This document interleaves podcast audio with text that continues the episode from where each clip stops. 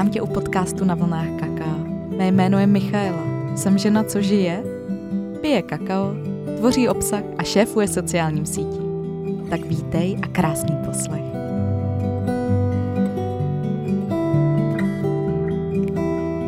Vítám vás u nové epizody podcastu na vlnách kaká. A dnes tady nejsem sama, je tady se mnou Karla Jo. Karli, vítej. Ahoj, děkuji za pozvání. A já jsem říkala, že Karličku nebudu představovat, že ji nechám představit se sama. tak prosím. Z čehož mám obrovskou radost, mimochodem. jo. ne. ne. Těžký ne. mluvit o sobě? Je to těžký podle mě se představit. Tak to zkus. Ale je to velký krok k tomu poznat to, kým jsme. Hmm. Hmm. A jak se sami sebe vnímáme? Hmm. Tak jmenuji se Karla a já sama sebe nazývám jako průvodce duchovní realizací pro lidi. Mm-hmm. To je asi takový jednoduchý v jedné větě. A sama vlastně to žiju a snažím se žít každým momentem, protože pro mě v minulých letech a doteď je největší zkouška a myslím si, že nejenom pro mě to žít, to, co učím. Mm-hmm. To je, to, to věřím. Ono, jedna věc je, jak říká se, kážeš vodu, piješ víno, mm-hmm. takže kážeš vodu, piješ vodu. Mm-hmm. Nejlépe ze studánky. Nebo kážu kakao a piju kakao. Kážeš kakao a piješ kakao. My jsme se tady před začátkem podcastu bavili o kakao. Dneska pijeme teda Peru, mm-hmm. máme ho jenom s perníkovým kořením. A ty jsi mluvila o svém nejoblíbenějším receptu na kakao. Pozdílíš ho i s posluchači. No určitě. On není úplně nejoblíbenější, u mě se to hodně odvíjí druhem kaká, mm-hmm. ale mluvila jsem o Bali, který je po, pro mě hodně takový vzdušný a éterický. A je to, dá se říct, jediný kakao, který hodně tak jako ochucuju. Já většinou ty kaká piju tak jako s vodou, maximálně s nějakým jedním kořením a solí. A to Bali, tak to úplně miluju s eh, vanilkou, solí, kokosovým cukrem a kajenským pepřem. Mm. a chutná to jak kinder čokoládka, kterou jsem říkala, že jsem neměla asi 20 let, ale evokuje mi to tu chuť, no. Ty jo, tak jelikož kinder čokoládku už jsem si eh, taky nějakých pár let nedala, tak uh, tohle si moc ráda připravím. Hmm. A je zajímavé, jak jsem to v Bali tak jako vplulo, i když jsme na vlně Peru, protože mě Bali vlastně čeká a budu se tam za chvíli vypravovat na celý měsíc. Tak? Ano, tak jsem na tu energii Bali velmi zvědavá, protože jsem v těch končinách nikdy nebyla a je to pro mě něco novýho, tak hmm. uvidíme. ne, já jsem tam taky nikdy nebyla a taky se tam možná chystám, ještě tam mám takový velký možná, ale mm, ona tam vlastně žije moje ségra s celou Aha. rodinou a naše rodina tam tak nějak cestuje pořád přes ty roky a já jsem tam ještě asi jako jediný člověk z té rodiny nebyla. Ještě ti to tam nevyšlo? No mě to tam spíš vůbec nelákalo. Aha. Hmm. Čím to je? Zrovna Bali se bere jako takový místo spirituality a mě tam teda láká i ten coworking a hmm. možnost práce na dálku tím, že je tam ideální časový odsun. No, posun, není to tak, že by se byla pozadu, ale se naopak dopředu, tak mi to přijde takový fajn, tak jsem zvědavá, co budu říkat po tom měsíci, jestli to bude pořád připadat fajn. No mě většinou ty cesty vedou do takových víc zemitých zemí. Ta mm-hmm. Jižní Amerika, Střední Amerika, tam je víc ta divokost a doteď mě to lákalo mnohem víc, protože jsem potřebovala skrze tu surovost a skrze ten fyzický nekomfort projít k tomu, abych poznala víc, kým jsem, no. Že to Bali, já nevím, já jsem tam nebyla, ale už je docela dost osídlený. Mm-hmm. A já, já mám ráda víc ten klid, to ticho, fakt jenom tu čistou přírodu, bez lidí. A to jsou pro mě místa, kde se poznávám úplně nejraději. No. A když by si měla jmenovat takovýhle místo, co tě nejvíc uh, zůstalo v srdci z těch míst, které jsi naštívila, kam tě to stále vrací? Rozhodně Mexiko. Do Mexika? Mm, rozhodně Mexiko. Já jsem už od malička třeba od svých pěti, šesti let furt říkala, že pojedu do Mexika a to jsem tenkrát vůbec ani nevěděla, kde to je, vůbec jsem to neznala, ale tak nějak mě to tam srdcem hodně táhlo a furt jsem to říkala dokola, až vlastně v sedmnácti jsem měla prvního přítele, který byl Mexičan. Wow, takže... náhoda. ne, ne, ne. takže to začalo docela zostra, takže ta láska prostě tam byla. Aha. A potom jsem tam odletěla před tyjo, dva, tři roky, teď úplně ne, nevím přesně časově. A žila jsem tam a žila jsem úplně, dá se říct, na konci světa, fakt na takovém tom nejzápadnějším cípu. Mm-hmm. A bylo to úžasný, no, bylo to úžasný, tam to místo, tady ty místa, kde je ta divoká příroda, džungle, oceán, tak to s tebou pracuje už jenom tím, že tam seš. Mm.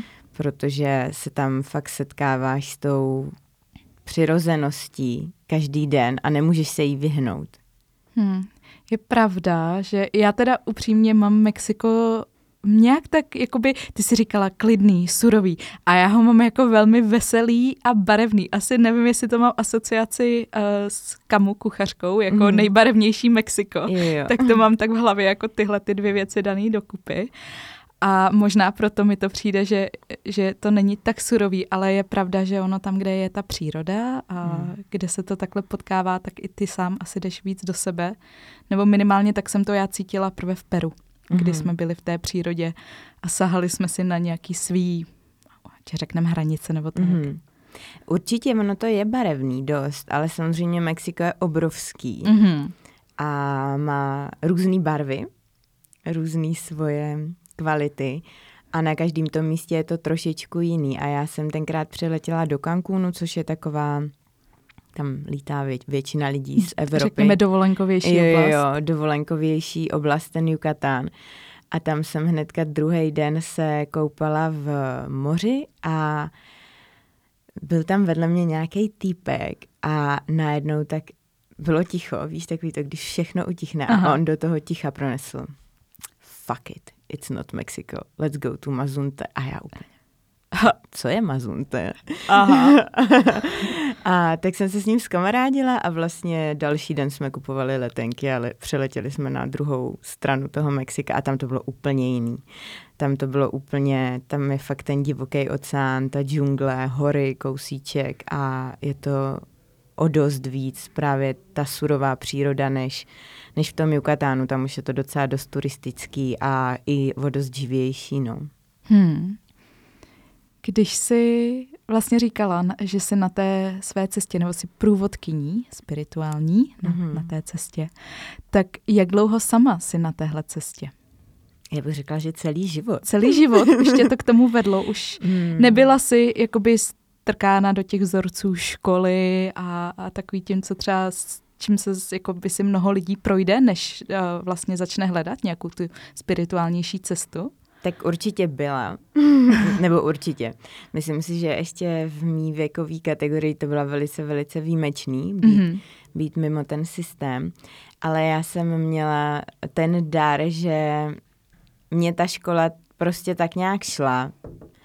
Já nevím, jestli jsem si to od někat čenelovala. Já jsem, se, já jsem se za celý svůj život vlastně do školy neučila. Hmm. A jedna z mých prvních knížek byla o astronomii. Takže mě jako zajímalo třeba v mých 6-7 letech uh, planety, to jsem si představovala, jak když budu na Jupiteru, takže když tam budu rok, tak tady uplyne 160 let. Wow. A, a, a takovéhle věci mě zajímaly. A vždycky jsem se hodně nořila do hlubokých témat, protože mm-hmm. já jsem vlastně poslední z pěti dětí. Aha. Takže moje rodiče mě měli docela dost pozdě, což ještě bylo takový raritní uh, v tom mým kolektivu. Měla jsi nejstarší rodiče? Měla jsem si, myslím, nejstarší, no. A já jsem pořád přemýšlela o smrti. Hmm, vnímala jsi to teda mm. jako to dítě, můžu se zeptat, o kolik třeba ty rodiče byly starší než u těch vrstevníků? No, když jsem se narodila, tak mi mamce bylo 34 a taťkovi 44, myslím. Tak... Což je vlastně dneska úplně, řekněme, jako... Jo, jo, jo, jo. Ale tenkrát vlastně většina mých spolužáků tak měli rodiče, kteří je měli kolem 20. Jasně. Takže vlastně třeba ten můj taťka byl o 20 let starší a já jsem skoro každý večer ležela v posteli a představovala jsem si, že umřou. A měla hmm. jsem z toho obrovský strach, takže jsem se nořila do toho tématu smrti. A to mě vedlo k hodně hlubokému poznávání sebe sama a svého strachu, protože jsem vlastně si vytvořila takovou iluzi, hmm. že, že umřou. Úplně jsem si ten scénář živě představila. A brečela jsem, ale to mě vedlo do hlubokého poznání sebe sama a hlavně do mý síly, protože jsem už třeba ve svých 6-7 letech věděla, že jsem tady sama, že jsem mm-hmm. se mhm. narodila sama a že budu jak kdyby sama celý život, i když samozřejmě nikdy nejsme sami. Jasně. Tak, tak v tu chvíli jsem začínala budovat tu svoji vnitřní integritu a tu suverenitu v tom, že jsem si zvědomovala, že je možný, že třeba jako za rok naši umřou. Ještě, ještě jsou tady, takže yes. A, a teď už si to nepředstavuju, ale i když jsem byla malá, tak ten strach ze smrti mě hodně učil, hodně učil. Mm. A já jsem to takhle proskoumávala hluboce, až vlastně ta smrt, když, jsem byla, když mi bylo 14, přišla přišla smrt mý nejlepší kamarádky, která pro mě byla úplně nejbližší člověk hmm. v celém vesmíru. A to bylo hustý a v ten moment já jsem si uvědomila, že vlastně kdyby jsme umřeli jenom jednou, tak nemáme možnost tu smrt poznat. A tam jsem si uvědomila ten rozsah toho našeho bytí, toho hlubokého. A pak jsem teda měla několik let, kdy jsem měla takovou jako fakt temnou část, a provázely mě různé nemoci a takový to honění se za, za, čím? za cíly, za penězi. A já jsem poměrně rychle si vybudovala nějakou kariéru. Já jsem vyvíjela počítačové hry několik let. Mm-hmm. Vlastně už od svých 21. A tam... Víš, že si tě takhle dovedu úplně představit? Jo, jo, s těma sluchátkama. Jo, úplně, úplně si tě jako dovedu představit, no. že sedíš a vyvíjíš počítačové hry. Vůbec mě to jako nevěděla jsem to, ale nepřekvapuje mě no. to. A já jsem si tu kariéru tam vybudovala poměrně rychle a poměrně vysoko. A vlastně tím, jak jsme programovali, dá se říct, realitu pro jiný lidi, tak ono, se, ono to může na první pohled znít, že je to hodně daleko od toho duchovna, ale já jsem tam vlastně seděla a říkám si to, jaký je rozdíl, když, si tady, když tady programujeme lidem prostě něco na obrazovky hmm. a oni se s tím plně stotožňují a věří tomu. Stejně jako když koukáme do telefonu, Mm, a jaký je rozdíl mezi tímhle, nebo když si to programuju vlastně v té realitě. Jasně. Tak jsem dala výpověď a vrhla jsem se zase. Na jiné mm. programování a jiné Na jiné programování, přesně. a mě k tomu vedlo hodně to, že já už jsem byla poměrně dost nemocná, takže už jsem si říkala, tak končím a jdu ze sebou něco dělat. Už jsi cítila, že to tělo teda volá, duše volá o pomoc? No, to tělo, já už jsem, já už jsem se fakt dos, jako doslova rozsypávala. Jsem vlastně měla onkologický nález na děložním čípku mm-hmm. a už to dospělo do takového stádia, že jsem asi v průběhu třeba týdne přibrala zhruba 10 kilo. Úplně jsem se zavodnila, jsem pomalu nemohla chodit prostě. A ty, ta léčba klasická mě vůbec nevyhovovala. Dělalo hmm. mi to extrémní psychický výkyvy, takže jsem podepsala revers v nemocnici a šla jsem se vrhnout na tu svoji cestu, no. A tudy tedy ke zdraví potom. Aha, ano, přesně. A tudy ke zdraví až ke kakao. Až ke kakao.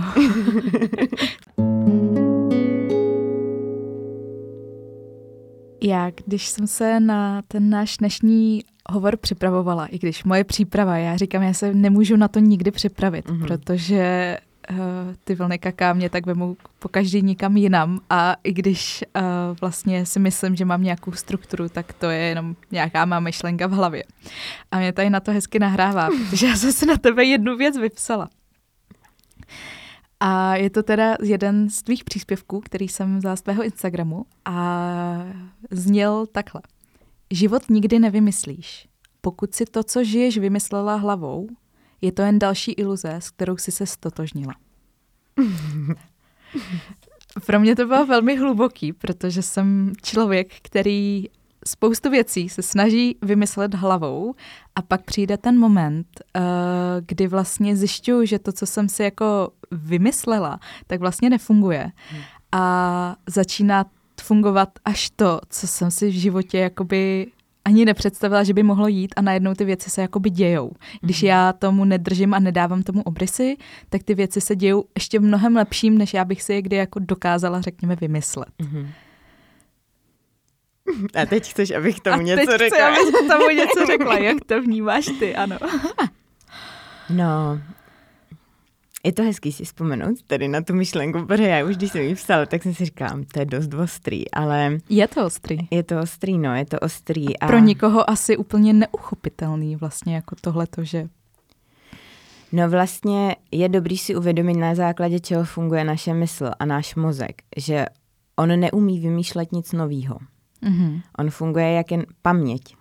Takže my, co vytáhneme z hlavy, tak je to něco, co už bylo, jenom to třeba nějak pozměníme, ale vlastně nikdy to nebude nic novýho. A když bychom tady byli tady za tím účelem, tak bychom nemuseli jako lidstvo vůbec existovat, že jo? Tak bychom si odžili jeden život a dobrý. Jeli bychom pořád v jednom skon... a tom samém programu, jenom bychom ty skládačky stavili jako, že by se to tvářilo jinak, ale No, pořád nebo bychom bychom skončili někde v jo. paleolitu, že jo, prostě Jasně. protože už bychom nevymýšleli a hmm. všechny ty velké věci vznikly z nějakých impulzů srdce. A já už jsem zase zapomněla, jak ten citát přesně byl. Chceš ho ještě jo, jo. Život nikdy nevymyslíš. Pokud si to, co žiješ, vymyslela hlavou, je to jen další iluze, s kterou si se stotožnila. Mm-hmm. No, protože my si hodně často nastavujeme ten náš plán skrze tu mysl a to je, dá se říct, skrze kontrolu. Hmm. Že to chceme mít pod kontrolou a to znamená, že to je, ta, to je ta iluze, že jo? To je ta iluze, protože my neexpandujeme a naše přirozenost je expandovat, vyvíjet se. Když se podíváš na malí děti, že jo, no, tak oni si jako ne, nenaplánujou, co, co budou zítra dělat a co budou obědovat, ale nechají se vést tím mm-hmm. něčím vyšším. A to je ta expanze, to je ten vývoj. A každý, myslím si, že i ty největší nevři, nevěřící Tomášové, tak ví, že jsme tady od toho, aby jsme se vyvíjeli. Ať už jako jednotlivec, tak jako celek. A šli jsme dál a dál. Takže pokud my jenom vymýšlíme tím mozkem, tak vlastně stagnujeme a vnitřně umíráme a stává se to, že spousta lidí je úplně mrtvých. A to, vnitřně, ano. Vnitřně, hmm. no. Ta duše umřela a to tělo jede dál roboticky a pak ho třeba za pár let jenom zakopou, no. Jo. Úplně, úplně mi tam teď vytanula jedna osoba, kterou ve svém okolí mám, kde, kde tohleto z mýho pohledu vnímám, že ten člověk jakoby ustrnul v jednom hmm. bodě. Je nešťastný vnitřně, ale vlastně ani neví kudy a, a jak a, a prostě najednou už je to takový jenom já si tady nějak jako žiju to, na takového autopilota. Hmm. Jo? A najednou přestáš se, obrousí se ty hrany toho, té radosti, ale i toho smutku. Už je to taková jako, už nejsi černý, bílej, jsi prostě jako šedý jako a jedeš si. Ono je to smutný, je to velice smutný to pozorovat a děje hmm. se to poměrně brzy. Děje se to u většiny lidí kolem tak 25 let a ta duše odchází z toho těla. Stejně jako když přichází, když se narodíme, tak ona vlastně, když se splodíme mčo, tak ta duše není rovnou v tom břichu, hmm. ale tak jako mm, lítá jak balónek heliovej nad tím a pak se tam zhmotní, tak ta naše duše vlastně postupně odlítá po tom chvíli je nad náma, ještě nás nějak drží a když se ten provázek přestřihne, tak umíráme. A někdo má tu sílu té mysli a toho ega tak silnou, že to své tělo dokáže držet i tady tou silou při životě.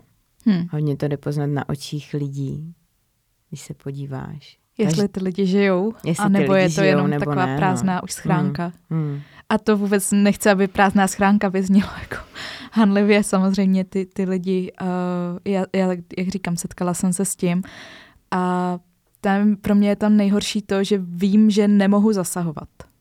Hmm. To, že, že prostě není, jo, že není v mé mé pravomoci, řekněme, nebo nejsem jakoby člověk, který by měl přijít a jako zachraňovat. Hmm. Tam, kde ta záchrana není žádaná.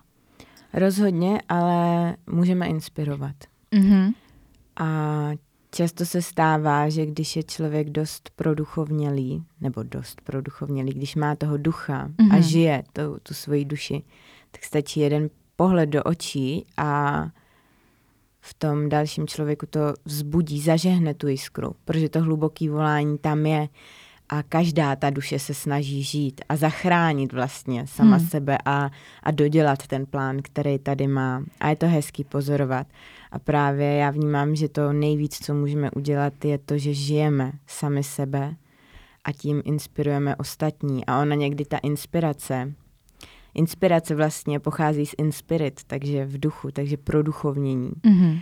A ta inspirace někdy může být dost drsná. Je to takový šok, šok takovým, takovou formou šoku, to hodně Šoková často. terapie. Hmm. Šoková tera- terapie, že když často vidíme někoho, kdo opravdu žije sebe, tak mm-hmm. nás to doslova šokuje a zastaví. Je to stejný, jak když vidíš něco fakt krásného, mm-hmm. třeba západ slunce, nebo poprvé vidíš oceán, něco, něco, co tě fakt zastaví, tak v tu chvíli ti vypne, uh, vypnou ti myšlenky a dostáváš se do té přirozenosti mysli, do toho otevřeného kanálu. A tohle stejný se často děje, když vidíš člověka, který má toho ducha silného, tak tě to vlastně úplně zastaví a začnou ti tam jet hodně často takový nějaký i vzorce, jakože ježišmada, to je hrozný. To je příšerný. A já si myslím, že spoustu lidí to jako eh, fakt jako nasere. No to že píš, prostě no. oni jako budou vytočený, že ten člověk si dovolí být, já nevím, Ježíš Bože, v naší společnosti, jak může být člověk šťastný, proč, proč jako si usmívá, na nic si nestěžuje a jako, jako žije, teď to musí vypadat, že ten člověk má jako všechno srovnaný, nic ho netrápí. Hmm. Přitom pak, když jako se třeba s takovýmhle člověkem bavíš, tak víš, že to tak není, že i, i těm lidem, kteří žijou, řekněme, víc oduševnělý život, tak tam přichází různé zkoušky do toho života, ale je to vždycky jenom o tom, jak se k tomu ten člověk postaví, jestli se tím Mhm. nechá strhnout a bude jenom, jenom v tom, jenom v té negativní emoci, anebo jakoby si tu emoci prožije a pak z toho vystoupí, z té role oběti. Mhm. Mhm. Takže já se setkám s tím jako stekem, jako jak si to vůbec můžeš dovolit takhle jako být? No ono to vychází právě z té iluze. To je, to je ten celý citát, protože ty tomu člověku vezmeš to, s čím se on stotožňuje. Hmm. Protože my máme potřebu se pořád nějak definovat.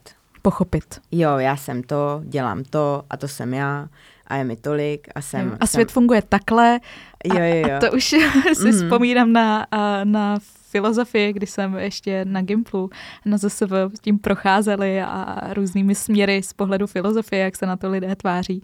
A těch samozřejmě těch možností je x, jak se na to člověk může dívat. No, rozhodně. Jsem chtěla něco říct a úplně jsem to zapomněla. Počkej, já si zkusím vzpomenout. Bylo to dost dobrý. Bylo to dobrý. Jo, už vím. Jo. Mm, on člověk vlastně může být v totálním chaosu, hmm. V totálním nějaký emoční katarzy, ale zároveň v tom můžeš být v klidu. Protože když si uvědomíš, že ty nejseš ty emoce, Hmm. že ty nejseš to, co se děje, tak ono se to všechno děje jenom jako nějaká hra a ty to můžeš pozorovat. A můžeš být úplně v klidu. Takže ty můžeš brečet, můžeš být v úplný bolesti, ale zároveň u toho můžeš být v klidu. Že se to odehrává, protože ty víš, že stejně jako to přišlo, tak tahle tak to odejde. taky no. odejde. Mm. Všechno, je, všechno se tady mění. Vlastně Hmm. jediná konstanta tady na tom světě je změna. A to, kým jsme se mění, to, co si myslíme, se mění, to, co máme rádi, se mění, Hmm. to, jak vypadáme, se mění. Jenom když si představíš, uh, jak jsi vypadala, když ses narodila, že jo? Jasně. A jak vypadáš teď, no tak je to velká změna. No to, je... to bych Tak řekla. je to velká změna a my, my na tohle zapomínáme. My za, zapomínáme na tu pomývost a to je vlastně i ta smrt. Hmm. To je ta smrt, my ty smrti zažíváme Během na toho života vlastně je to součástí Furt. toho přiroz... přirozeného běhu. každý nádech a výdech je, uh, je vlastně znovu zrozením a smrtí. Hmm. A my na to zapomínáme, protože se furt snažíme něčeho držet a ulpívat na, na něčem. A když se i podíváš na spoustu lidí, tak oni nedejchají a dejchají velice mělce. Hmm. Já pracuji hodně s dechem, takže to na lidech hodně pozoruju. Jsem ob, občas to dělám i někde, když jsem venku, tak pozoruju, jak kdo dejchá. A že třeba, Teď přemýšlím, jak dejchám. a že třeba se nadechujou na jednu, Hmm. jakože jedna vteřina nádech. Tyjo, to je, to je už hodně málo života. Jo. Jo. A nebo zadržou dech. Všímáš si, Mhm. jak, jak potom jako někdo nadechne velmi krátce a pak drží. A pak ne. Jo, a tak jako... jo. jo. Jo, jo, jo, jo. Jo. Tohle, Mhm. tohle vnímám, vnímala jsem to dost, ještě když jsem byla uh, v korporátu, tak tam jsem to vnímala u těch lidí, jak jako tajli dech. No jas, protože se bojí skočit do života. Hmm. Vlastně nádech je život, výdech je smrt. Hmm. A většina lidí má tam tu stopku před tím nádechem, takže má tam ten strach z toho zase skočit. Zase ničeho Zase novýho. znovu, Jo. zase znovu. A ono je to furt, jo, protože decháš pořád. Jsi přikovaný. Mně tam přišla teď úplně myšlenka, a já věřím, že to budeš taky znát, uh, plato, uh, jeskyně. Mhm. Doufám, že to byl plato jeskyně. Uh, kdy sedí člověk u ohně, řekněme jako přikován, nebo je tam Mhm. mm-hmm. prostě to, a za ním plane oheň a on vlastně vidí, jak se tam odehrávají, jako řekněme, takový loutkový divadlo nebo stínohra, mm. která se mu promítá na tu, na tu zeď, ale vlastně ten život se žije a děje v, té, v tom venku, před tím ohněm. Jo. A ten člověk jenom sedí zády k tomu ohni, vidí, co se tam jako odehrává a děje, ale vlastně není toho součástí a bojí se víc toho, protože je přece přikován a pak jakoby dochází do toho, že on tam vlastně přikován vůbec není Mhm. a že by mohl odejít. Ale je tam ten obrovský strach toho a radši zůstává v těch stínech a jenom v té iluzi toho života. A ten život reálný se odehrává právě tam, kde, kde je to světlo, teplo a tam se to fakt děje. A on jenom jakoby sleduje uh, tu realitu jiným Jak pohledem. kino. Jak kino, přesně Mhm. tak. No, to je smutný, to se bohužel děje.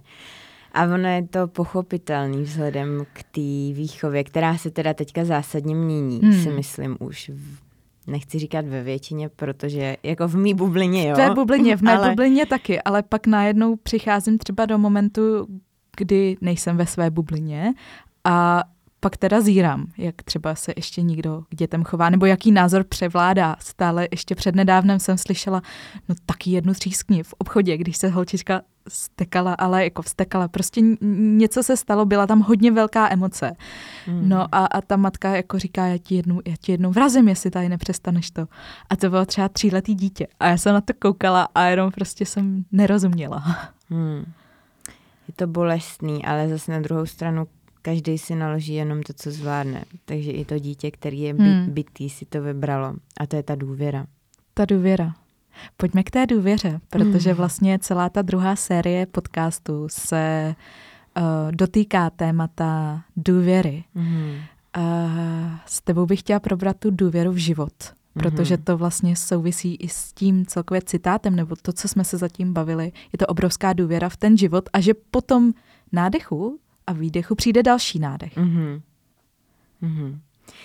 Já jsem se na ten podcast vůbec nepřipravovala, ale připravovala jsem se jedinou větou a to je to, že jsem přemýšlela, co je pro mě důvěra. Mhm. Nad tím jsem se fakt zastavila, protože jsem si tu otázku nikdy nepoložila. A zjistila jsem, že důvěra je pro mě svoboda. Protože my, když věříme, Hmm. tak nemáme potřebu kontroly. My, když věříme v tu naši cestu, tak plně věříme všemu, co je, té realitě, té pravdě, která je, ať už je jakákoliv. Nebojíme se jí vidět tím, těma očima té pravdy. Protože častokrát se stává, že ty, my ty věci vidíme tak, jak chceme, aby byly, ne tak, jak skutečně jsou. A když tam máme tu důvěru v sebe, že procházíme přesně tím, čím máme, ať je to jakýkoliv, tak tam máme tu svobodu a uvolňujeme mysl a nemusíme přemýšlet. Tím pádem si nemusíme brát energii tím, že přemýšlíme, protože nám strašně moc času zabere naše přemýšlení. Jenom nad scénáře, který vlastně se nikdy jako Mhm. nenaplní. A vlastně často, uh, podle mě si to ani neuvědomujeme, ale my tím, že vyživujeme reality, které Hmm. neexistují, oni vlastně existují, protože my si je vytvoříme, tak my tím ztrácíme obrovské množství energie, protože nežijeme tu přítomnost a žijeme ve své hlavě, žijeme v budoucnosti, nebo se zabýváme tou minulostí, nebo se, ona to je vlastně nějaký budoucnost, vytváříme nějaký sny, Hmm. a vlastně jsme tou pozorností tam, tím pádem nemáme dostatek energie na to žít teď a tady. A spousta lidí má, tu si můžeš představit, jako že jsi napojená nějakýma energetickýma provázkama ta, na ty bublinky svých realit, minulost, budoucnost a tak Hmm. A tam ti jde tvoje energie a tím pádem potom jsou lidi bez energie, nemají, nemají sílu žít na to teď a tady, protože je to pro ně náročný. Jasně, ty nemůžeš žít víc realit, že jo? To je prostě mega náročný. Představ si, že žiješ... Ono i jednu, Čtyři- jednu jedna je realita je fakt jako náročná. No, někdy jo. A živ ještě třeba tu minulost a říkej si, ty, tak před měsícem jsem se tady pohádala s tím kolegou a stále se k tomu vracíš, stále tím žiješ, stále tomu věnuješ energii. Jako hmm. kolikrát si na to vzpomeneš, jo? nebo to před rokem, no kdybych já tady to udělal jinak. A nebo naopak do budoucna. Hmm. I když je pravda, a teď mi budu, budu ráda, když mi na to odpovíš, protože spousta lidí se může ptát, no ale tak jako, když budu žít jenom teď a tady, tak nikdy nic nevybuduju. Jak já, já potřebuji mít přece nějaký plán, k čemu směřuju. Mm-hmm. Tak jak jakoby bys těm lidem řekla, jak odlišit tyhle ty věci? To, že jako samozřejmě nikam směřuješ, ale zároveň já tohle vnímám jako cestu. Mm-hmm. Já tohle vnímám jako dlouhou cestu, často. A člověk opravdu ze začátku musí být v té přítomnosti a nedokáže tvořit moc dlouhodobý plány. Já mám pocit, že tohle mi trvalo tak tři, čtyři roky, fakt pl- nechci říkat plný přítomnosti, protože jako samozřejmě jsem odletěla xkrát, stokrát, milionkrát, kdo ví.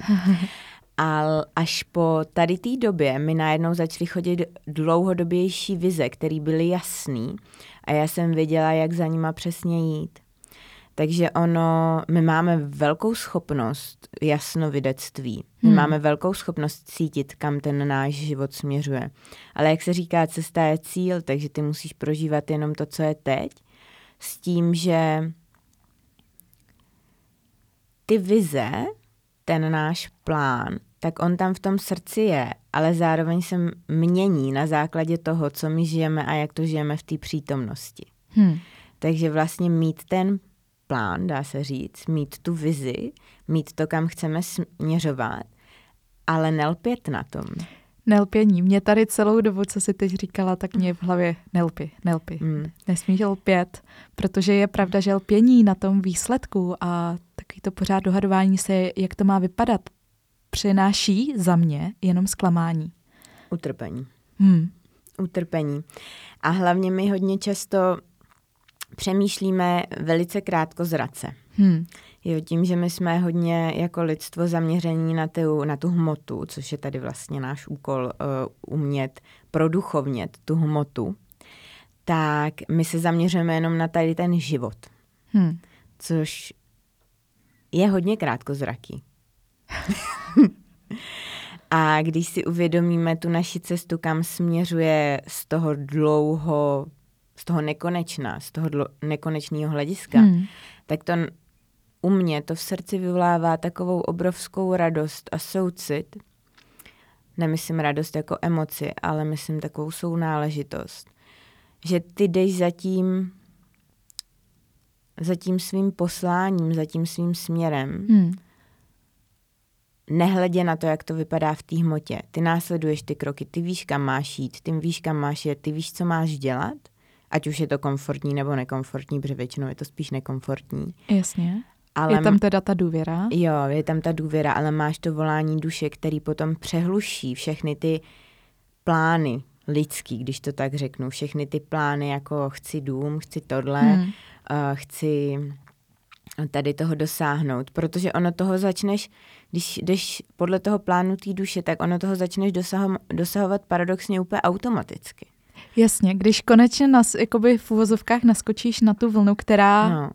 Kterou ta duše, po které ta duše volá, tak najednou se jako dostáváš do míst, kde vlastně jsi šťastný nebo šťastná a celou dobu by si řekla, jo, tady jsem vlastně chtěla být, ale ani by tě nenapadlo, že bys tam chtěla být. Přesně tak, protože tam prostě seš. Jo, prostě se to děje a, mm. a ty vlastně už nemyslíš na to, že uh, mým plánem bylo za deset let tady, já nevím, tady třeba budu uh, ředitelkou ničeho, nebo tady budu učit na vysoké škole, nějaký takovýhle věci, jo. Mm. Prostě ty jsi najednou úplně jinde, ale ani tě nepřijde, že by si o něco přišel.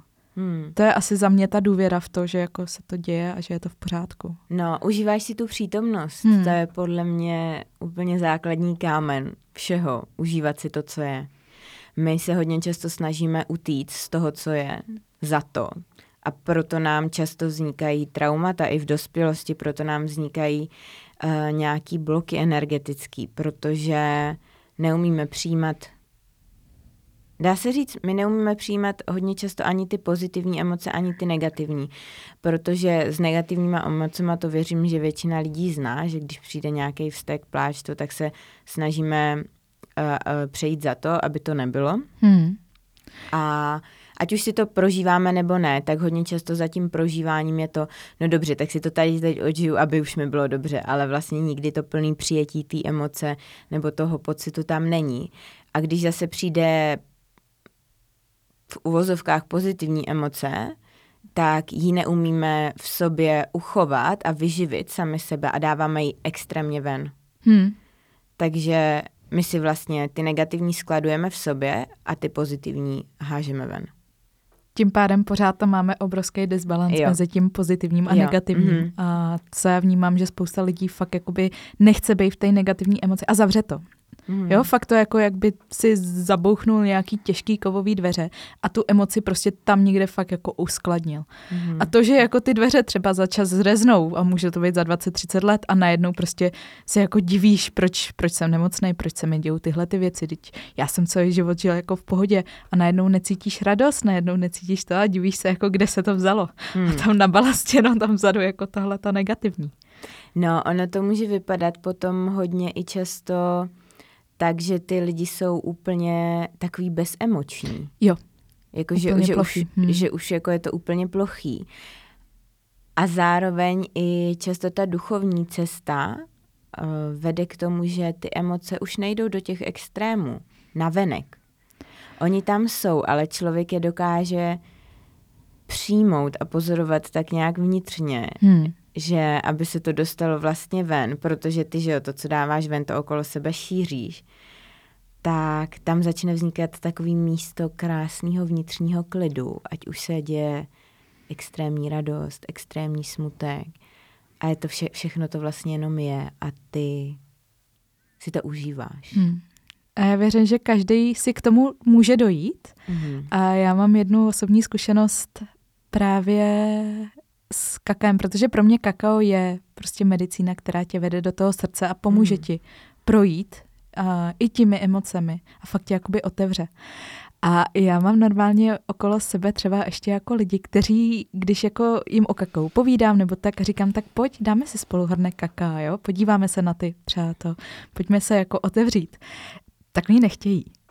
Jakože vyloženě prostě, že to kakao si nechtějí dát, protože ač tomu, jo, oni říkají, ne, já tomu nevěřím, že by to nějak otvíralo srdce, ha, ha, ha.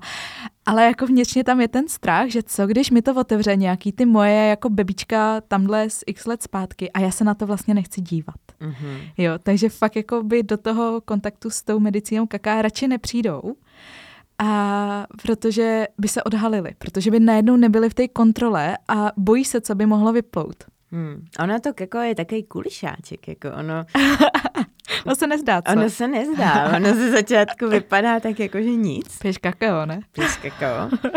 Ale otvírá, otvírá, akorát mm, z mých zkušeností, já jsem vlastně ze začátku tak si říkám, to se nic neděje, Hmm. ale pak jsem začala vnímat nějaký takový svoje výkyvy. Hmm. Říkám si, hm, to by mohlo být tím kakaem. A bylo. Bylo. Takže on, ono, je, ono je to moc hezký, ono je to moc hezký a pracuje to vlastně velice jemně, což já mám ráda. Hmm, já taky, já, to mám, já mám medicínu kaká, já už jsem to možná v nějakém díle říkala, ale pro mě je to prostě maminka, která tě jako neveme tě jak některý medicíny a neřekla, tak jdi, prostě a tlačí tě jako předu. Ale ta maminka, která tě dá ruku a řekne, pojď, půjdeme spolu a půjdeme jenom tam, kam si věříš. Hmm. A já jsem tu s tebou, já tě tím vedu a jsem tu celou dobu. A ona tě dokáže vést velmi hluboko, když jsi připravený jít velmi Hmm. hluboko. Ale nikdy tě za mě neveme tam, uh, kam nejsi připravený jít. To si myslím, že, na, že ti neudělá vlastně žádná medicína, Hmm. ale hodně často spíš ta integrace potom, no. Já, já jako, jak vnímám některé ty medicíny, že tam, tam fakt tu kontrolu úplně, to kakao je velmi v tomhle je mnohem jemnější, jo, jak s tebou pracuje. Hmm. Jo, jsou, jsou medicíny, které tě dokážou jako silněji vtáhnout do toho. Hmm. Jo. Určitě, ale jako může to být i pořádný fičák. Může, já, jo. Já, já, já vlastně hodně často tady to slychám a vždycky se vzpomenu na jednu svoji ceremonii na Novoluní právě v Mexiku. Uhum. Já jsem tam žila přímo u kakaové farmy, takže my jsme to dělali uh, hodně často přímo z bobů, Mm. jakože se prostě utrhl bobík a večer jsme měli kakao na stole. A to bylo teda fakt hustý. To mě vzalo tak hluboko a do takových nekomfortů. A já jsem toho kaká vypila snad, já nevím, jak panáka třeba velkýho. A jsem to nemohla ani dopít, protože to bylo, to bylo fakt hustý, no. Takže ono to jde i s tím kakájem a jde to, jde to hodně hluboko. Hmm. Když máš, i kakao je pro mě i hodně taková společenská, nebo společenská, taková jako medicína, která spojuje. Sdílící. Jo, jo, sdíl, sdílící? Sdílící. Sdílící hmm. medicína. Propojující. Propojující a což je vlastně v každém, ka, každá medicína. ale, ale kakao ti to nejvíc evokuje. Jo a je to jako fakt, když se sejde do, dobrý kruh, který hmm. je ochotný jít hodně hluboko, tak je to úžasný, tak je to úžasný. Já třeba někdy dělám i kakao bez vody, hmm. že ho jenom rozpustím a dělám takový šoty, který, kam dávám třeba i hodně čili a je to fakt takové Jo, ty jako... kakao šoty, to je dobrá nakopávačka. No, to, to taky dělám někdy na ceremoních a to je teda jízda potom vždycky. To je úplně, to, to piješ a cítíš, jak kdyby to je taková operace vnitřní. Hmm. S každým polknutím to je úplně to, srdce, to, to srdce. Rozpínáš. Jo, jo, rozpínáš. rozpínáš a když se to spojí třeba potom ještě s tancem, tak to je, to je fakt neuvěřitelný. To miluju na tom kakao. Já si tohle taky užívám a ten moment přesně, když se kakao propojí s hudbou, propojí se s tancem a ty lidi odhazují ty masky a prostě najednou fakt jako na tu vlnu kaká naskočí mm. a nechají se vést, tak je to úžasně silný. A když se to propojí ještě s přírodou. To mi tady v Česku hmm. trošku chybí. Ono to není vždycky úplně možný. Jsem, ale tak je takhle, je to možný vždycky. Vždycky je to, vždycky je to jenom, možný. jestli chceme, Je, jo, záleží, jestli chceme, jako i v minus deseti to jde. Můžeš. ale tam, já právě, když jsem byla v tom Mexiku, tak hmm. tam byly ceremonie furt, jako je fakt každý den. A vždycky to bylo spojené s nějakou hudbou, nebo ně, někdy i bez ní. A my jsme tam jednou měli takhle kakao a pak byl ecstatic dance a to bylo v období dešťu a strašně pršelo. Jsme teda byli pod takovým přístřežkem, hmm. ale vlastně dopadlo to tak, že nakonec všichni tančili úplně v tom dešti. V těch kalužích vlastně se tam jako váleli po zemi. A, a najednou ten dešť nevadí, co? Ta pača mama, prostě to bylo skvělý, to bylo skvělý, no. Hmm. Mě si teď připomněla, my jsme v srpnu měli oslavu lásky, uh, jako my jsme nejdřív měli svatební rituál samostatně, hmm. jenom s kněžkou a potom jsme měli oslavu lásky i s přáteli. Uh, byl to den, celý, celý měsíc byl prostě krásně a tuhle tu sobotu lilo jak z konve, od rána. A já jsem prostě teď, když jsme měli ty stany připravený, jako bylo to u našich na zahradě a já jsem si prostě říkala, ty co budem dělat, jako tak prší, je to fakt, teď lidi mi to začali rušit, že je trošku zima, že neví, jestli přijedou. No já jsem z toho byla hotová, pak jsem to ta absolutně pustila. A no byla to jedna z nejlepších oslav, jako všichni si to užili. Najednou prostě dešť, nejdřív jsme měli dešníky, pak už ani ty dešníky nikdo neřešil. A fakt jsme skončili někdy jako okolo půlnoci a tancovali jsme tam, měli jsme měli puštěný repráky, uh, hudbu a prostě jsme tam tančili v tom dešti, ne pod tím stanem, v tom dešti, rošlapávali jsme jo. tam to bahínko těma bosejma nohama a bylo nám krásně. To je skvělý, já, to, já tohle velice podporuji. A fakt, a já jsem pak řekla, tak jo, tak už, už končíme, jo, protože už jsme byli fakt utahaný, byli jsme celý den. A najednou přestalo pršet a já říkám, tak nám prostě, nevím, pršelo hej štěstí asi celou dobu, aby jsme měli fakt požehnaný. Opravdu v ten moment, kdy jsme řekli, že teda konec, tak, tak přestalo pršet a my no. jsme špinaví a děsně spokojení šli To je, ale boží, tohle je fakt skvělý. Mě to připomnělo, já jsem se vlastně teďka v neděli vrátila z pobytu, který jsem hmm. měla jako ukonču, ukončovací takového tříměsíčního kurzu.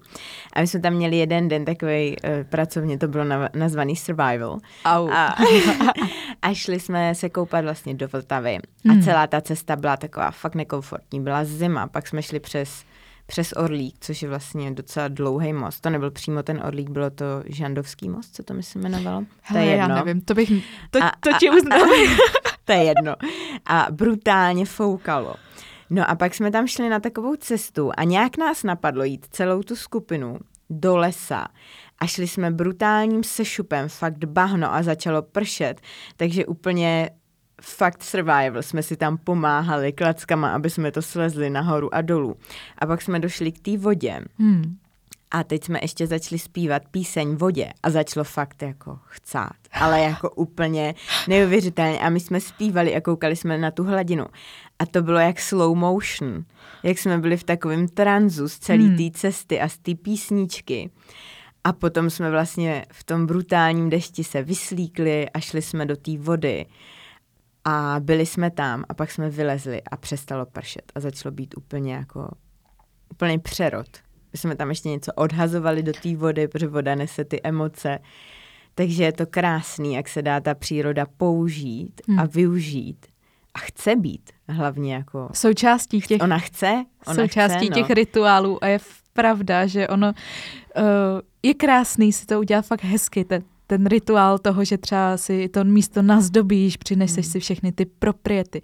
Je to výborný, ale pak máš takovýhle moment, kdy vlastně si jenom ve v tom spětí s tou přírodou a jdeš na tu dřeň a necháš se vést a hmm. najednou vlastně nepotřebuješ nic. Hmm. Máš všechno v sobě a v té přírodě. No a hlavně ten nekomfort velice léčí, že jo, hmm. v té přírodě. No je to dobrovolně, nebo tak většinou je to dobrovolně.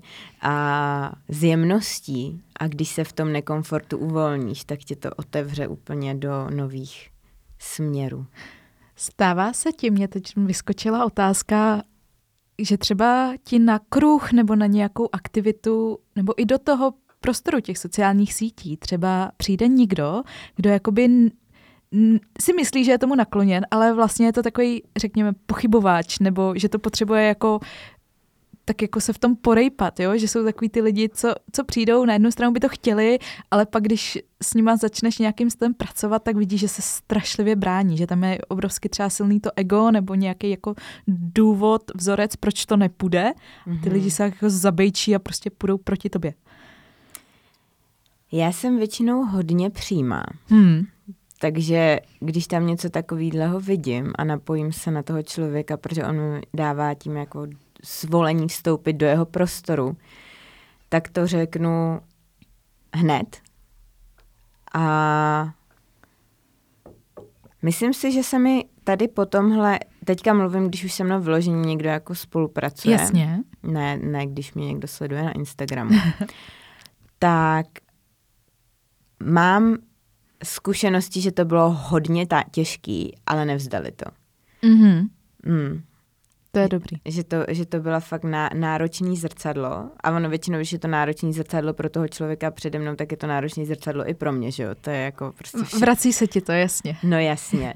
A um, no, měla jsem teďka, nebo mám teď jednu klientku, s kterou spolupracuji někdy od srpna nebo od července a tam to bylo teda brutální, no. Ten, to první setkání, tak to bylo takový, že jsme si asi obě dvě říkali, tak co, tak půjde to nebo ne. Ale, ale dali jsme to, no. Takže někdy to je fakt těžký, a, ale zase mm, pro mě ten nekomfort je fakt velký učitel. Hmm. A vím, že dokud existuje pro mě nějaký nekomfort, tak je furt kam se posouvat. Je to to místo, odkud začínáš růst. Mhm. Přesně. Paráda. Jsou to nové dveře, které jsou ještě neproskoumaný a nepři, nepřijatý. Až hmm. nebude žádný nekomfort, tak, tak bude osvícení.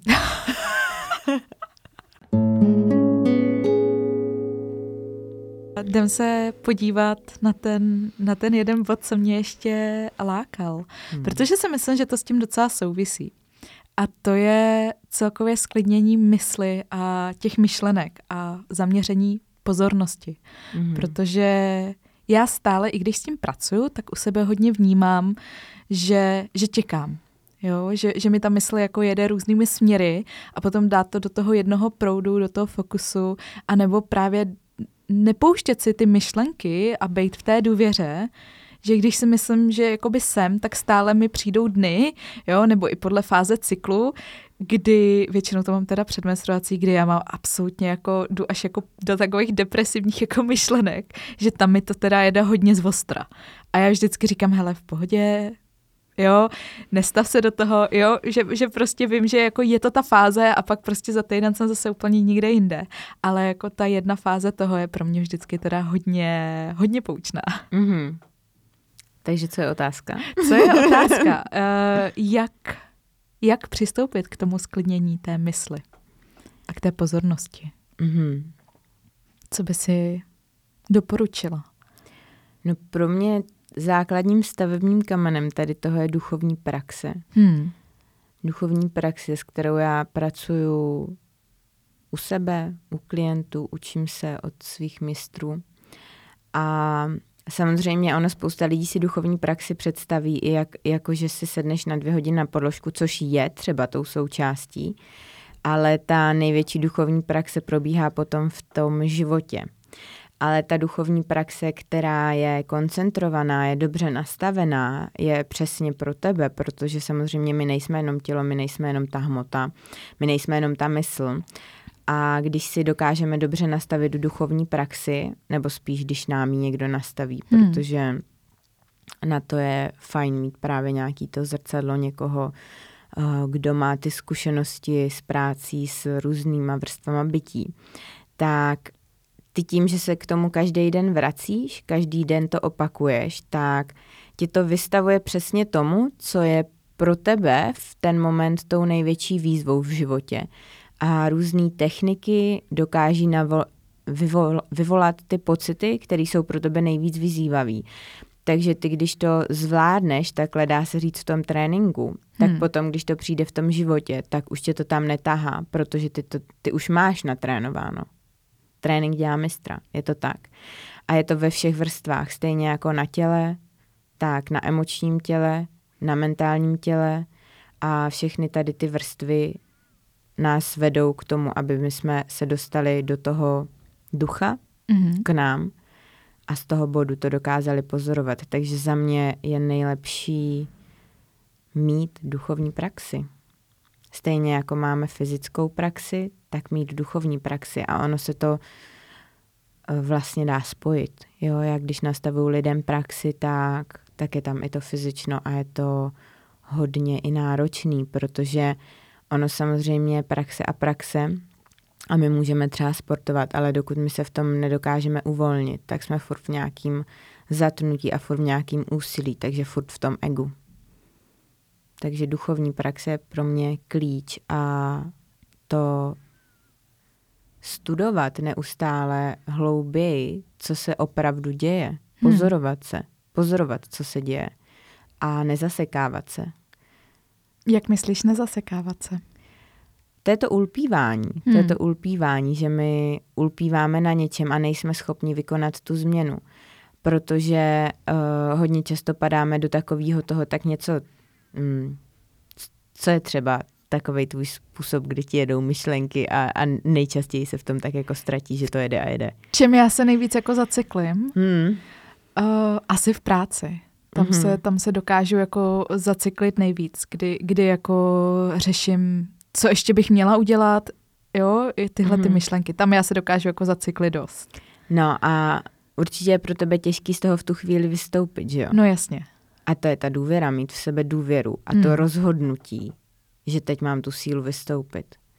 Jo, my hodně často právě nejsme schopni se rozhodovat. Nejsme schopni se rozhodovat pro své nejvyšší dobro a fakt si neustále uvědomovat, k čemu už je vyžadovaná ta přítomnost, jestli je nám dobře teď v tom, hmm. v čem jsme. A když ne, tak čím můžu teďka já změnit svoji energii? Musím udělat změnu. Vždycky, když začneme se cítit uh, jakkoliv špatně, hmm. tak je potřeba změna ale nám se nechce dělat tu změnu, protože nám v tom dobře. A ještě tam často jako nastoupí takový ten náš vnitřní hodnotitel, který říká, no tak teď už to posrala, tak, tak to je dobrý, tak už v tom zůstaň. A, jo, jako, a až od zítra třeba. Nebo, nebo něco takového. A vlastně nás to jako tak pohltí ta hmm. situace. A hlavně tady v těch momentech se právě stává to, že vylítáváme, vylítáváme z toho těla. Nejsme vůbec v tom těle, nejsme uzemnění, protože už trpíme a utrpení je volba. Bolest je nevyhnutelná, ale utrpení je volba. A my, když si vybíráme to utrpení dobrovolně, tak vlastně ta naš, naše duše úplně tam uh, umírá. A teď je zajímavý pro mě ten moment, kde jakoby to utrpení, řekněme, je ještě takový to, z čeho jako rosteš dál, to, co tě jakoby posune, že jo, řekněme, protože spousta lidí, když třeba povídá o tu svoji životní cestu, tak právě si prochází nějakým momentem toho utrpení, kdy to jako z toho nevystoupíš zavčasu, nějak se v tom zacyklíš mm-hmm. a pak oni udělají nějaký skok, nějaký větší krok, mm-hmm. kdy jako řeknou, OK, jako konečně jsem, řekněme, prozřel, nějak jsem se na to podíval a udělal jsem ten krok, udělal jsem tu změnu, ale jako řekněme až po nějaké části díl. Myslíš, že kdyby ta změna nastáhne, že tam teda nebude takový přerod, nebo nebude tam ta zkušenost, nebo i tahle ta zkušenost je součástí toho teda života a růstu? No, ono to utrpení vlastně je zase tou iluzí, jo. Hmm. My trpíme, protože chceme trpět.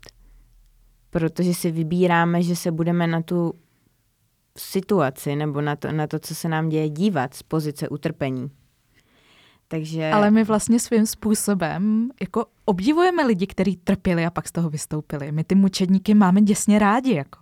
My ty lidi, co vlastně, my máme rádi mučedníky, pokud z toho dokážou vystoupit a změnit to to je podle mě takový ten nejvíc heroický a obdivovací příběh. Mm-hmm. Co když si podíváš na veškerý, já nevím, teď mi tam naskočil Forbes, nebo čteš si ty inspirativní životy, mm-hmm. tak jsou to lidi, co jako trpěli a pak vyrostli do těch, do těch hvězdných jako výšin. Mm-hmm. Jo. No ale ona, ta cesta může být i jednoduchá. My nemusíme jít skrze to Jasně, utrpení. ale obdivovali bychom jí tolik, kdyby ta cesta byla jednoduchá, nebo jsme si řekli, a to, to má lehký. Jako. A je potřeba jí obdivovat? No, mně přijde, že ta naše společnost je na tom dost jakoby nastavená, na tom hmm. obdivu, nebo ne, možná obdiv není to správné slovo, a takové to zhlížení hmm. k těm idolům. To je můj idol, protože on to překonal. Hmm. Jo, protože máme naučený to, že jen skrze utrpení hmm. rosteme, ale my můžeme růst i skrze uvolnění skrze uvolnění do té bolesti. Protože každý si tady nabereme, že když se narodíme, hmm. naplácáme na sebe nějaký vzorce, něco, co jsme si řekli, jo, tak tady tohle vyléčím ve společnosti. A potom, když je odemykáme, tak je to bolestivý. Hodně často je to bolestivý i na fyzický úrovni. Určitě jsi někdy zažila, že když jsi něco otevírala, něco uvolňovala, tak tě bolelo třeba srdce nebo tě hmm. bolelo prostě něco. Ale nemusíš u toho trpět. A to je to přijetí to je to přijetí, že ať už je to jakkoliv velká bolest a když jsou třeba nějaký velký traumata, jako jsou nějaký znásilnění hmm. nebo uh, když malý dítě vidí třeba nějakou vraždu nebo mu někdo umře nebo adopce a, a tak podobně, které jsou fakt jako velký, tak stejně to léčení, to úplný přijetí probíhá skrze to uvolnění, skrze hmm. to uvolnění. A není tam takový to tak a teď jsem to překonal, ale je tam to přijetí toho, že to tak je a ta důvěra, že se opravdu dělo všechno nejlíp, jak mohlo. A ono, kdy ještě mě jako napadlo k tomu, co jsi říkala, že hmm. obdivujeme to utrpení, mě tam hnedka napadl Ježíš. Já jsem, já jsem o tom taky jako... Ale jako máš pocit, že on trpěl? Jako on sám? A to je právě on, to, on co jako my neví, netrpěl, jako, že jo? Za prvý my to vnitřně. nevíme, mm, jestli vnitřně no. trpěl nebo netrpěl. A, a hlavně to, ale jak, ho, jak zase ho nikdo nikde vykreslil, ať Aha. už to vychází z té víry, tak tam bylo to přece velké utrpení který no, a skrze kdy, toto osvícení. Když se na to navnímáš svým srdcem, jako no. na tu jeho bytost, tak jako, já ne, víš, jako že hmm. na tu hmm. cestu, tak on právě skrze tu lásku přijmul i tu bolest největší. Jo. Že ta bolest tam byla, ale... Takže vlastně to utrpení, hmm. zase si tam dala ta společnost, že on jako hrozně trpěl.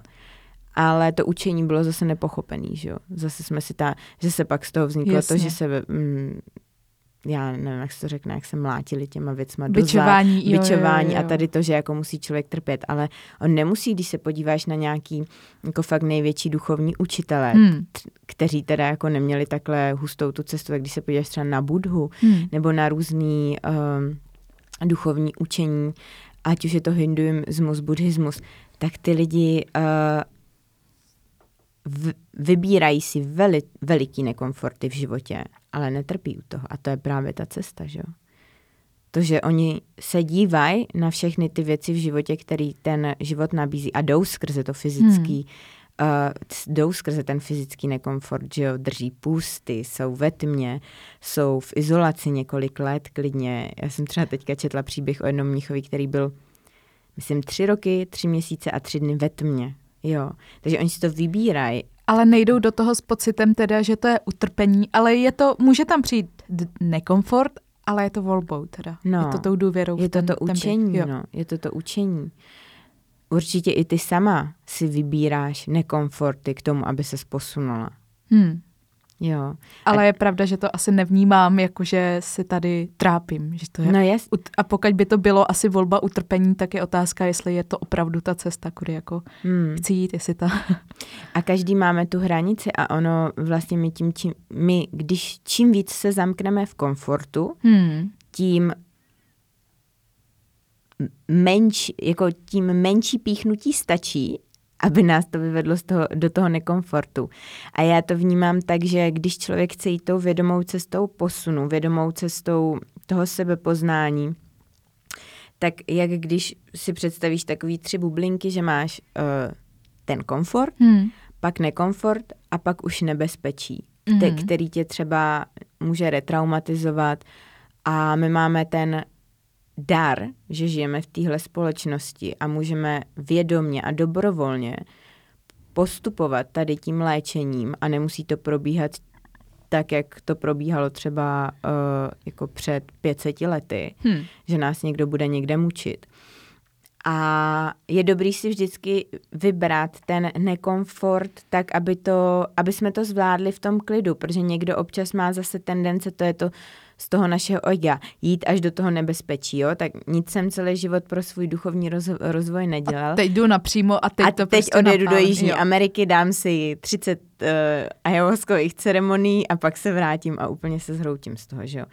Takže jako step by step a být na sebe jemnej, ale zároveň přísnej. Zároveň mít tu vnitřní disciplínu hmm. k tomu, že já jsem se prostě rozhodl, rozhodla tady pro ten uh, pro to sebepoznání. A to znamená, že ta cesta nekončí. Jo? My hodně často jdeme od bodu k bodu, že jako tak, teď jsem tohle udělal, očkrtnu dobrý, teď si můžu odpočinout. Hotovo, jasně. Ne, to je furt, to je stejný třeba v té praxi, když já učím lidi, tak ať už jsou v jakýkoliv pozici nebo dělají nějakou techniku, tak to není to, že oni udělají něco a tam se zaseknou. Hmm. Ne, to je furt, to je moment, moment, moment, moment, moment. A furt to musíš vnímat. To, ta změna se děje pořád.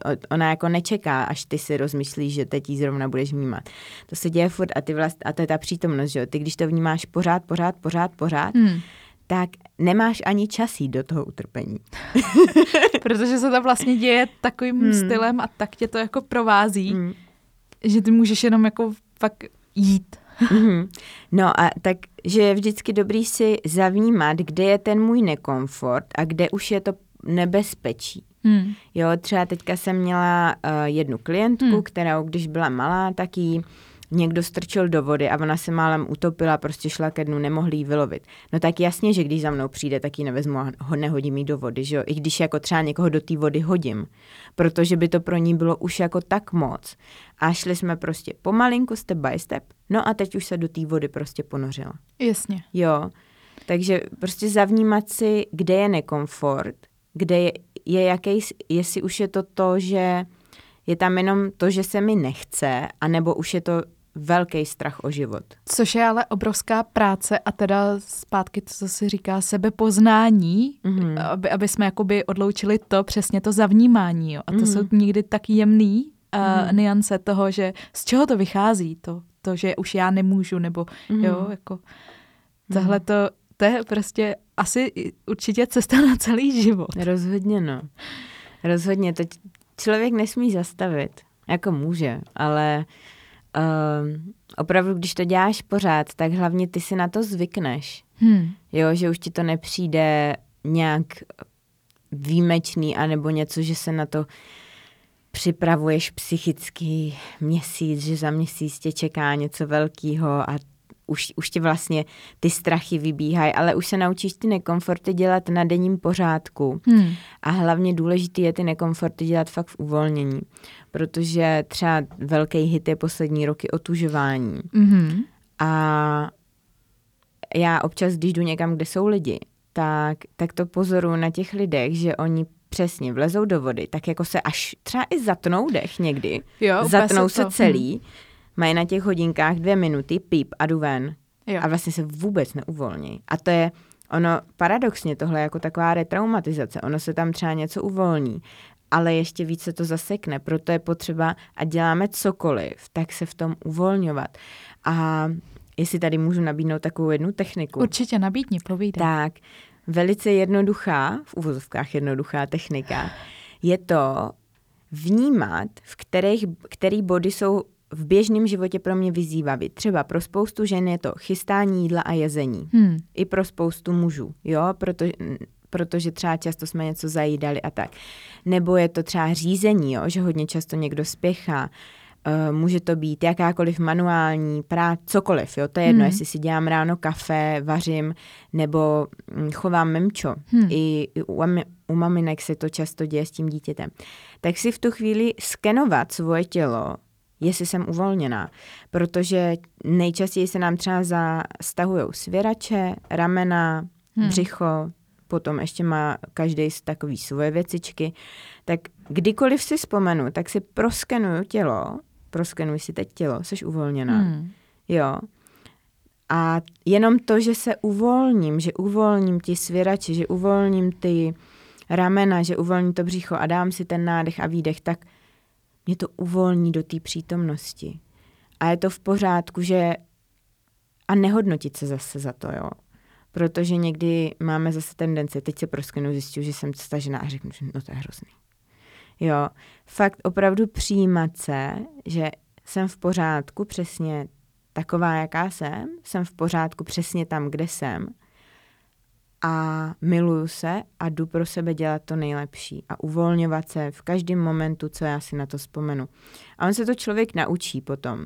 A už se to potom naučí tak, že jakmile přijde nějaký stažení, tak on to zavníme, takže už se to ani neděje. Že už dojdeš do toho, takže je jo. možný, když tohle to člověk bude ze začátku zkoušet. Já teda tuhle techniku skenování s, jsem uh, zkoušela a je pravda, že byly, nebo pro mě to bylo, abych jakoby vypla hlavu. Já jsem mm-hmm. tam měla z toho fakt jakoby, tak jedeš bo, bo, body check, body scan. A ze začátku byly momenty, že jsem jenom skenovala. Mm-hmm. Xkrát. Furt, furt a jako... Mm-hmm. Ono hlavně se může stát to, že ty se proskenuješ, uvolníš a za pět vteřin jsi znovu stažená. Takže tam něco naskočí. Takže je dobrý si prostě to tak jako začít rozhodnout se pro to hmm. a začít si to dělat. A když si na to nespomenu přes den, tak to udělat aspoň večer a ráno. A potom v průběhu toho dne, já si myslím, že prostě bylo období, kdy jsem to dělala pořád a teď už to mám tak, že jakmile se něco začne stahovat, tak Cítíš si říkám, aha, co se co děje? děje? a většinou se to děje, když je nějaký stres, že jo. Hodně často, když člověk začne spěchat, to si myslím, spěchat anebo utíkat od té situace, to mm. se třeba děje hodně u toho jídla, že to jídlo máme spojené s nějakým traumatem a člověk vlastně jako zatrlej vaří nebo jí. Takže se tak uvolnit a dávat těm věcem takovou větší posvátnost a když už si teda to jídlo připravím, dám do toho tu svoji energii, hmm. Tak to je velký, že jo. Ty si prostě strávíš i třeba několik hodin tím, že si... To vaření opravdu ten čas bere jako veliký. No a to je to, že strávit hodně, hodně. Ono ho nebere, my ho tam darujeme hmm. dobrovolně. A my v uvozovkách obětujeme svůj drahocený život, proto aby jsme si připravili jídlo a pak, tyjo, pak to ještě proklínáme. Oh, já jsem strávila tolik času u plotny. Hmm. To je dar, že si můžeš Máš uvařit si jídlo. uvařit. Hmm. Takže uctít, uctít sama sebe. Uctít sama sebe, že jsem byla já ochotná věnovat tolik času, a to je jedno, jestli to pět minut nebo dvě hodiny, do toho, dopřát si kvalitní výživu pro své tělo. A opravdu se začít až tak jako uh, mít tu vděčnost za to, že jsme schopni pro sebe dělat ty věci. Protože on někdy i ten duchovní rozvoj vede k tomu, že furt jedu dál, dál, dál, dál hmm, hmm. a už si vlastně neuvědomuju to, kam jsem až ušla. Takže je dobrý se někdy zastavit a zavnímat si to, kým jsme a jaký dary tady teď přinášíme a že je to úžasný. Že je to úžasný, ať jsme kdekoliv, protože je to úžasný já pozoruju ty změny na sobě, na lidech okolo sebe a je to skvělý. A na to se zase musíme zastavit, aby jsme to viděli. I na tyhle ty momenty, já třeba, co jsem teď zavnímala tím, že vlastně jsi mluvila o otužování, že, že je teď v povědomí spousty lidí, ale stejně tak to můžou být meditace mm-hmm. nebo yoga a takové, jo, přijde mi, že teď u, u některých lidí vnímám to, že je to takový checklist. Mm. Jo? Tak jsem vypila, oddýchala, zacvičila a, a jedou, jo? Jako takový výčet. Mm. Rozhodně, no. Mm. Myslíš si, že když teda člověk se zaměří zpočátku jenom na tyhle ty vlastně základní, nebo jenom takový ten základ, co ty si vlastně teď řekla, jenom to jenom naskenuj si tělo, zjistí, jak se cítíš. Je to teda takový, může to být první krok někomu, Rozhodně. kdo s tím vůbec třeba hmm. nepracuje a nemusí uh, dojít ta praxe třeba nějakých, já nevím, a, a nechci říct ani jak dlouho, protože to je velmi hmm. individuální, ale že to není o tom běhu teda tohle mhm. všechno musíš splnit a pak to tvý tělo bude zdravý, krásný a naprosto nejlepší, nebo... ono zdraví a krásný jsme, hlavně když jsme sami sebou. A většina lidí je přehlcených. Hmm. Takže je potřeba zastavit a zpomalit se. A hodně často, když takhle zastavíme a zpomalíme, tak z mých zkušenosti, co pozoruju, já jsem to sama zažila, tak člověk pak potřebuje fakt se odpočinout. Hmm. Ale jako dlouho. Jakože i třeba rok klidně. Že... Ono se to nezdá, ale hmm. ono opravdu to zastavení, já, já, to, já to vnímám, kdy já jsem v tom životě udělala změny a přijde mi, že třeba až, nevím, až po půl roce nebo tři čtvrtě roce jsem měla pocit, že jsem se jako znova z toho nadechla, hmm. víš, že, že jsem si nechávala, fakt jsem zpomalila, fakt jsem zpomalila, zpomalila. A já jsem říkala, vlastně tam ta hlava byla, tak už se rozjeď, ne? Tak už jako dělej. dělej. a já říkám, no ještě ne. No. Ještě fakt nemůžu. Já potřebuju víc času. Rozhodně. Jo. Ten čas je, pokud má člověk prostor si dopřát nic nedělat, hmm. i na denním pořádku, tak je fajn tím začít, protože kdy nic neděláš, Jo, jako my hodně často jako nic považujeme, posloucháme podcast. To čtem, není nic čtem, To není nic. To jo. je jako fakt ideální je na to jít třeba do přírody, hmm. protože ta příroda je, je příjemná a sednout si a sedět. A ne psát si denní. Ne, ne, a ne prostě přemýšlet nic... a ne jako vymýšlet, co budeš dělat. No, no a než my se do toho nic dostaneme, tak to taky trvá ze začátku, jo, že jako ty si sedneš sice na tu lavičku s tím západem slunce, hmm. ale ta tvoje hlava je rozjetá na ta, ta, ta milion kilometrů v hodině, jo. takže než zabrzdí a než seš v tom nic, tak to chvíli trvá. Hmm. A tady ten moment, než se zastavíme, je těžký. Je těžký, protože uh, nejsme zvyklí zastavovat. Mm-mm. A potom, když dojdeme do toho nic, tak to může být taky pro mnohý lidi těžký, protože najednou nic není.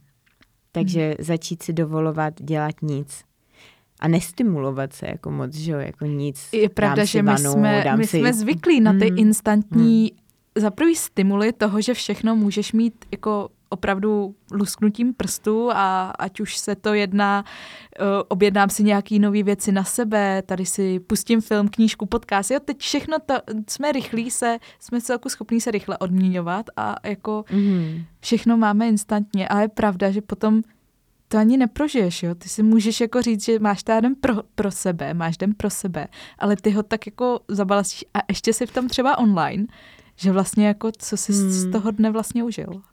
Jo, za mě asi nejjednodušší věc, jak to udělat, je dát si ruce na srdce a zaposlouchat se. Hmm. My totiž máme smysly, to víme.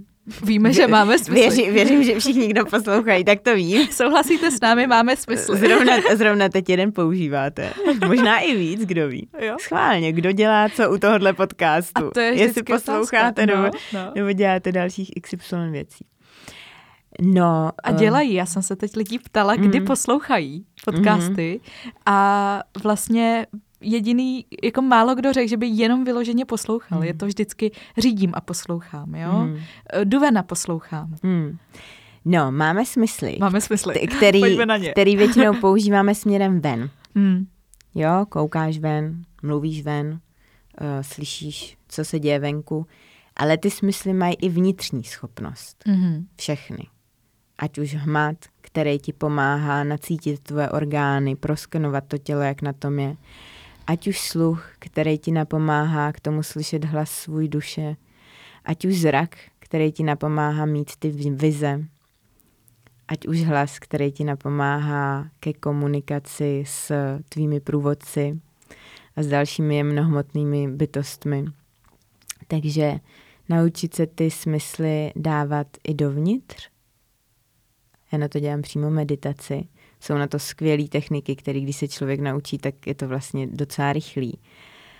A dát si ruce na srdce a zkusit se na to své srdce navnímat všemi smysly. Fakt, jak se má. Jak ho slyším, jak ho cítím, zavnímat tím hmatem, jak pumpuje tu krev, a on, když člověk se fakt utiší a zaposlouchá, tak začne vnímat i to, jak vlastně s tím bítem tam rozstříkne tu krev do toho těla. A potom to začneš i vnímat tím hmatem až jako do takového, že cítíš, jak to proudí až do těch vlásečnic. A když si takhle dáš ruce na srdce, spousta lidí trpí na studený ruce a nohy. A ty jenom tou vědomou pozorností k tomu srdci dokážeš rozproudit to tělo, že? protože ruce jsou prodloužením srdce. Takže my, když máme studený ruce, tak máme zavřený srdce. Hmm. Takže si jít sednout na lavičku ven a poslouchat své srdce do té doby, než nebudeme slyšet nic jiného. Wow. to já si myslím, že jsou to krásná slova skoro závěrem. Mm.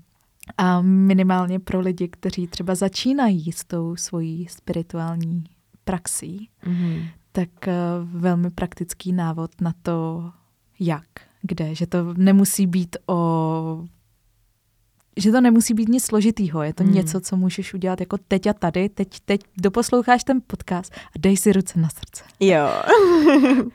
Mm. Pop up your chest, jako. Take a deep breath. Take a deep breath. You're gonna be okay. Ne, dobře.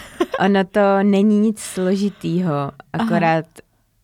my jsme se to naučili jako hodně složitovat, ale vlastně každá duchovní praxe vede k tomu hledat tu hloubku v těch nejjednodušších Ono to vlastně věcech. všechno se vrací zpátky. Já si pamatuju na healingu jsem to měla, když jsem byla tak vlastně veškerý ty, ať už, ať už se jedná prostě o otužování, jedná se o jogu, všechno, všechny tyhle ty praktiky meditační a sebepoznávací se vracely k jednomu základnímu a to byl pro, jako dech.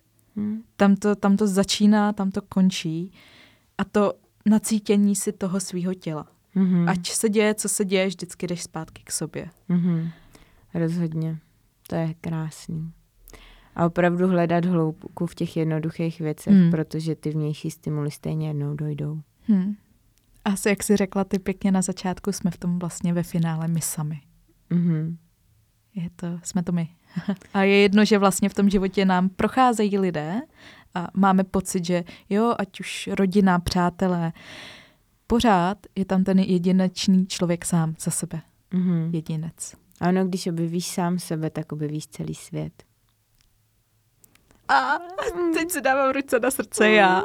jo, protože, hmm. uh, jak se říká, že ve tvých očích vidím sebe, hmm.